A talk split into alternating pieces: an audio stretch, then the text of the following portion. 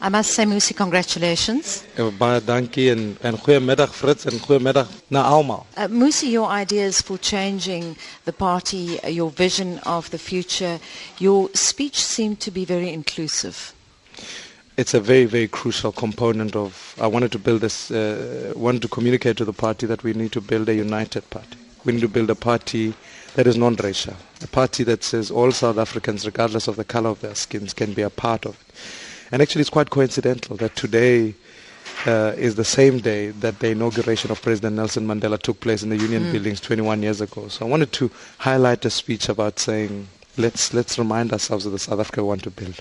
Having said that, it seemed to me that you were laying down the gauntlet by saying to President Zuma, I hope you're listening to the speech and we're coming to get you. uh, we, you're going to have your day in court. Yeah, yeah, of course, of course. Because the issue of the president and uh, the cases of corruption. I mean, President Zuma in and of himself is not the most important person, but the principle that says everybody is equal before the law, that everybody uh, must know that they, they, they're subject to the constitution, must always be established. Because if President Zuma gets away with where he's at now, it would mean any other South African who's politically connected can get away with any crime or anything like that. How do you see your relationship with the ANC? You will have to have a good working relationship with them. We've also seen over the years that that has changed. Tony Leon's relationship with the ANC was completely different from Helen Zille's. I have many members in the ANC who I respect. So long as we agree on key principles, what does non-racialism mean? What does economic growth look like? That's why we share some of the discussion around the National Development Plan, and I certainly look forward to. I, I respect people like Cyril Ramaphosa, and I've and I've worked with uh, the deputy president. What's important is that we must always fight a battle that puts South Africa first. So I'm on the place that what do the citizens want to win? But at the same time, we should never forget the fact that I want to hold the ANC to account. They're the ruling party. They cannot be able to get away with not having built uh, with all the objectives that we've set for them as South Africans. There was quite a vicious campaign fought between you and Wilmot James. How do you see your relationship with him in the future?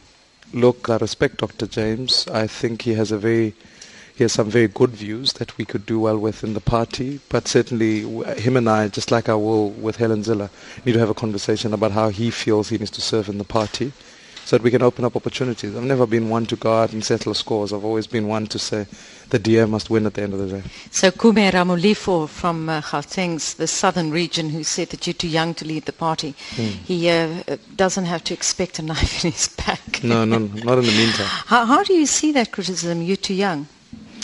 Look, we've gone past an age where Tony Leon was a few years older than me when he took over the party as a point of interest. But we're past an age where the leader must be all-knowing, all-powerful, and have all the uh, knowledge with them. We are in an era now where leaders become, if you like, captains of very good teams. That in fact leaders build good teams. Leaders draw on knowledge of others. So I look forward to building a very good team for the DA. My age, I, I, I don't stand, I'm not opposed to it. I stand because of it. We know what your strengths are, but what is your weakness?